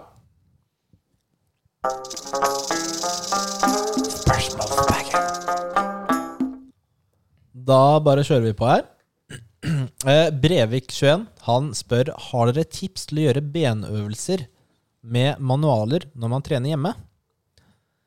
Jeg har jo skrevet ned Jeg har jo forberedt meg til det svaret her. Ja, men kanskje gjesten vår, som er pro, har noen forslag? har du eh, Det er ikke noe hjemmegym her. Men Nei. hvis du skulle ha gjort noen øvelser med bare manualer på bein, hva ville du gjort da? Det, det spørs hvor tunge de er, selvfølgelig. Men, eh, men det I utgangspunktet tenker sånn så er de- umiddelbart, så, for, eh, så tenker jeg vel egentlig litt sånn type utfalløvelser. Både utfall fremover, utfall bakover. Uh, du kan jo ta squat med de henda. Uh, er de såpass tunge, så kan du jo ha de som en type uh, goblet squat. Eh, så, så det er vel de øvelsene jeg kommer på med en gang, Hvertfall. hvert fall. Du har tatt de seks første på lista til Nils, i hvert fall. Fem? Ja. Ja, bra. Er det flere? uh, ja, det er jo det er veldig gode øvelser. Uh, Mm. Også bulgarske utfall da, er også en fin en, da, hvor du har benet oppå en, opp en benk. benk. Ja. Ikke sant? Og strake, strake markløft, for eksempel. ja, Mm. ikke sant? Den er veldig fin. Strake markløft er fin. En øvelse jeg har blitt veldig glad i, en du sier også i lista di, Nils, og det er den på ettbens. Altså, du må balansere litt, da. Mm. Men uh, Altså markløft, med strake ett ben, mark med ett strak ben. mark med ett ben, ja. Ja, For eksempel. Det er litt greiere hvis du har litt lettere vekter også, og ikke har de tyngste vektene. ikke sant? Så må du jobbe med å stabilisere det, både kroppen og ta den øvelsen. da. Mm. Ja. Um, for å få litt hamstring, eller med hamstring også, det, hvor du ligger på en benk på magen, Mm. og så setter du manualen mellom føttene dine. Ja, og curler. Ja, og curler den, da. Em, eller hvor du bare tar uh, Altså sånn eh, hvor du ligger på ryggen med beina flex, og så tar du manualen på hofta, eller symfysen foran, og så løfter du altså glutelift, Så, sånn hip thrust. Ja, hip thrust. Det er også muligheter. Så det er mange muligheter Mm. til å trene beina. bare være kreativ, ja, egentlig. ikke sant? Ja, og de, de vanligste, eller enkleste, er jo kanskje de du startet med. Mm. Ikke sant? Utfalløvelsene. Jeg liker veldig godt goblet squat. Ja, jeg, te jeg tenkte jo umiddelbart de type øvelsene til å begynne med, i og med at man har jo nesten ikke 40 ki- kilos hantler i liggende hjemme, liksom. Nei, det så, er det få som har. så man har jo gjerne 56 opp, opp til 10 kilo, kanskje, eller et eller annet Mm. sånt. En kombinasjon av det, og da er jo det nesten det greieste, da. Ja. Da har du litt å, å jobbe med, Brevik. Eh, Benjamin Johansen eh, 9216 spør Hvis dere skulle bygge en PC, hadde dere valgt CPU fra Intel eller AMD? Og så her kommer liksom det eh, liksom at, Og kan vi få en forklaring på hvorfor? Spør han, så vi kan ikke liksom bare si noe. Her må vi liksom begrunne det. Benjamin, i all verden. ja, ass. det er sånne skolespørsmål her. da. Han forventer mye av oss. Ja. Jeg har også skrevet noen tanker der, da, men uh, hva er det du har, Alex? Jeg har Intel, ja. Du har Intel, ja. I7. I7. Hvilken serie? Altså, er det Det er vel en 9000? Ja, 9000 Hva er det der, da? Uh, 11900? Nei, 11700, tror jeg det er. noe sånt. Ja. Eh, ikke sant? Altså, jeg har jo AMD eh, 3900X, og jeg hadde så veldig lyst på 5000-serien som kom, eh, kom i, i fjor. Men eh, altså det som Intel har jo vært eh, kongen i mange år når det gjelder prosessorer. Men AMD har jo tatt dem igjen de Mm. siste årene. Eh, så akkurat nå så er det jo Altså, jeg valgte jo AMD av det, men du kan like gjerne, velge Intel også. Men den nye 12 000-serien til eh, Intel, eller Alder Lake, da, den er jo veldig, veldig hypa, da. Den skal visst være bedre enn AMD sine, eh, sine beste nå. Men det er jo det er liksom, det er for tidlig å si 100% da. Det viser jo selvfølgelig de beste benchmarks-testene sine og sånn. Men eh, Men det spørs vel litt i forhold til hvordan budsjett du har å gå på også, da. Ja. I forhold til hva du skal velge. Du kan jo selvfølgelig ta det beste av det beste, men det spørs jo hvor mye du har og er villig til å bruke på det, da. det er et uh, veldig godt poeng. Uh, og så kan du, og så er det spørsmålet om du skal vente til eh, DDR5 kommer også. Mm. Eller om du skal kjøre no, kjøpe noe nå, da. Men altså, jeg, jeg gjør jo ikke egentlig så mye research etter jeg har kjøpt PC. Jeg bygde jo PC i fjor. Mm. Og da, gjør da ser man jo Du bare stenger alle faner og besøker aldri det igjen, i tilfelle det går på tilbud. Og Jo, men det blir jo sånn Man er jo så interessert og leser mye og ser på alle tech-videoene når man skal bygge PC, Mm. for å liksom finne det man har lyst på. Mm. Etterpå, så da bare driter man i det. Så faller man litt ut av hva som, er, eh, hva som kommer, og hva som er best og sånn. Så det er bare å gjøre litt research der. Eh, noe å legge til, Rikard? Eh, Jeg har eh, PlayStation, ja. Er veldig greit. Eivrok spør hvordan kombine- kombinerer dere å spise proteinrikt og nok med familiebarn?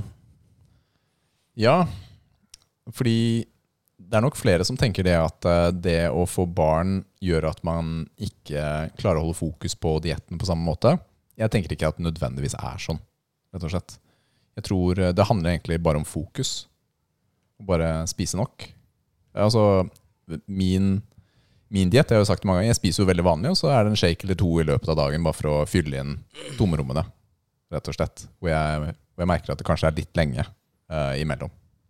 Så det er ikke noe hokus pokus eh, for min del da, eh, med diett. Hva med deg, Nils? Ja, det er jo som jeg også nevnte, eller vi har jo spist mye separert. Eh, Separert. altså på forskjellige tider, og vi spiser kanskje forskjellig mat, da. Så det er jo Det er jo sjeldnere at vi spiser sammen enn eh, hver for oss i løpet av en uke, da.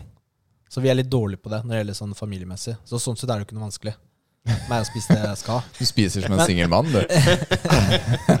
Men hva med deg, Alex? Du, så du har jo en uh, kjæreste, samboer eller kone. Uh, Samboer, ja. samboer, ja. ja. Du traff alle der. Jeg måtte bare safe meg her. Måtte sjekke Ja, alle. ja. Eh, spiser dere sammen og sånn, eller? Ja, vi, pleier, vi pleier for det meste å spise det samme, men hvis jeg tenker i forhold til å finne noe som er å spise med barn, liksom, så tenker jeg du- du må jo, det er jo så mange muligheter til å finne noe godt både de liker og som du liker. Og så, sånn som Rikard sa, det er jo det å, å kombinere dem f.eks. med shake, for at du, hvis du har visse mål og du må oppnå å få nok protein i kosten, så dekk det gjerne med en shake, eller, eller ta et måltid ved siden av. Mm. Hvis du tenker kun at det er bare den middagen dere har sammen, så utgjør ikke det veldig mye heller. ikke sant? Nei, det er noe med det, altså. Jeg er veldig bevisst på det å ta med greit med mat på jobben. da.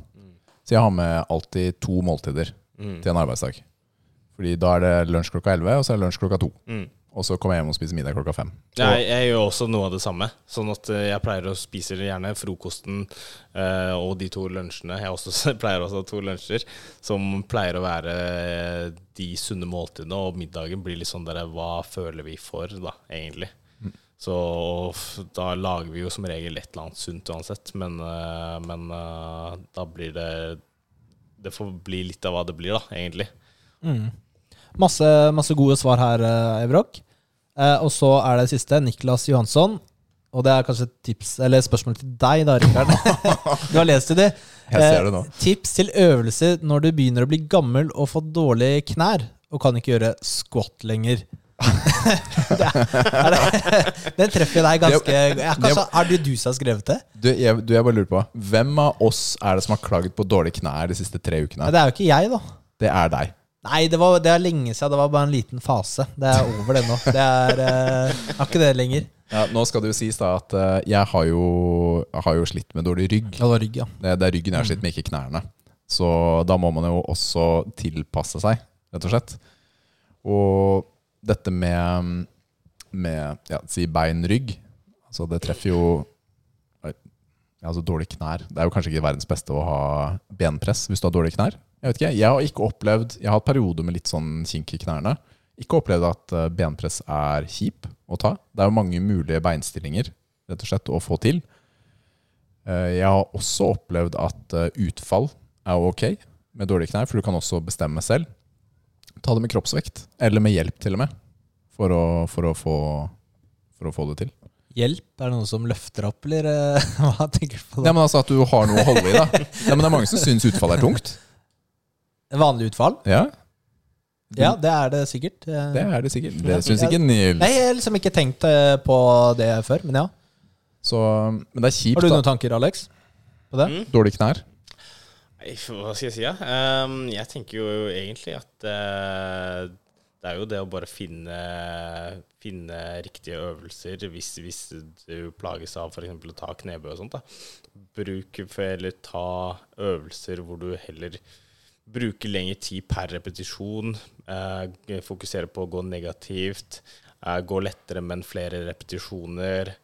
eh, og variere treningen med det. Du trenger jo liksom ikke løfte det tyngste alltid hver eneste økt, liksom. Og pushe deg selv på den måten. Det er mange andre muligheter du kan gjøre for å gjøre økta di hardere uansett. Et annet tips jeg pleier å Eller et annet tips er jo å bruke f.eks. sånn knebeskyttere eller knestøtter. Jeg, liker, jeg pleier å bruke det selv når jeg trener, men det er også bare for å holde varmen i knærne. For det er så lett at man stivner opp hvis man først trener og blir litt kald og går fra øvelse til øvelse, og så, så merker man den smerten. Det jeg, det begynte jeg å bruke nå for noen uker siden for første gang, faktisk. Sånne knee sleeves. Mm. Eh, jeg visste ikke at det var eh, Altså at de gjør holder på varmen, så blir det veldig varm rundt eh, knærne. Mm. Jeg trodde det var mer, mye mer support, da. Ja, ja. Sånn som sånne wraps vet du, du tar rundt eh, knærne, for det har jeg brukt før. Ja. Det er jo nesten så du bare bouncer opp igjen, ikke sant? Jeg har prøvd det før, jeg ja. òg. Så, så jeg, jeg trodde jeg skulle få mer eh, support, da, men eh, det er faktisk ganske deilig, den der varmen, varmen. Og jeg Mm. føler det kanskje hjelper på, Men det på kan, være, knærne. da det kan være noe i det. Over tid. da Så kanskje Niklas, du skal sjekke ut det, fordi Liv har slitt med knærne uh, en god del. Og det som har hjulpet henne å kunne ta knebøy, f.eks., er lang og god oppvarming, Mm. rett og slett. Men, men du gjerne må på sykkel. Det pleier Ja, jeg å gjøre. Jeg pleier å kjøre Sykkel? mine, mine hver, hver gang jeg skal trene ben, så pleier jeg å sitte en fem minutter, ti minutter på sykkelen bare for å sykle og bli ordentlig varm i kneleddene og egentlig hoftepartiet. Veldig godt tips det der. Altså. Ja. Eh, også, du må ikke gjøre knebøy. Ikke sant? Eh, Er du der for å trene bein, eller er du der for å gjøre knebøy? Det Det, er det jo står ikke kne... Ja, det står knebøy, ja. Ja. Ikke. Ikke sant? Mm. Så ikke gjør de øvelsene du får vondt av. Prøv å trene rundt det, eller Ja, eh, finne tilpass. alternative Ja. øvelser, liksom. Ja, hvis du har et uh, treningssenter, så er det jo veldig ofte mange uprøvde ting, da. Mm. Med mindre du er uh, styrkeløfter og knebøy er målet, så Så, så er det en løsning på dette. Ja. Det er noe med det. Du, det har vært uh, kjempehyggelig å ha deg som gjest, Alex. Tusen takk. Ja, tusen takk for at du kom hit eh, til oss i dag. Nei, det, var, det har vært eh, veldig hyggelig å, å snakke med deg, Alex, og Likeså. bli kjent med deg. Takk for at jeg fikk bli med. Det- Selvfølgelig. Hvis uh, lytterne har lyst til å finne mer ut om deg, hvor finner de deg på sosiale medier? Dere finner meg på Instagram alex-ifbbpro. Eh, samme er det på Twitch, for så vidt. Og eh, det er vel hovedsakelig de jeg bruker. Kult. Så sjekk ut, eh, sjekk ut det. Han har helt uh, vilt bra uh, fysikk. det. Er sikkert å tviste. Så sånn. håper vi at karrieren din går veldig bra. Vi kommer til å heie på deg i neste år når du konkurrerer. Ja, det blir spennende. altså. Virkelig. Vi får ta en ny omgang da. Ja, Ja. Det, vi gleder oss masse. Etter diett, da, for da er du sikkert veldig fokusert uh, før konkurransen. Du, det er veldig bra. Takk. eh, Jeg tror vi har holdt på kjempelenge i dag. Men det har vært, eh, det har vært gøy. Ja. Så until next time, ha det bra. Bye! Ha det.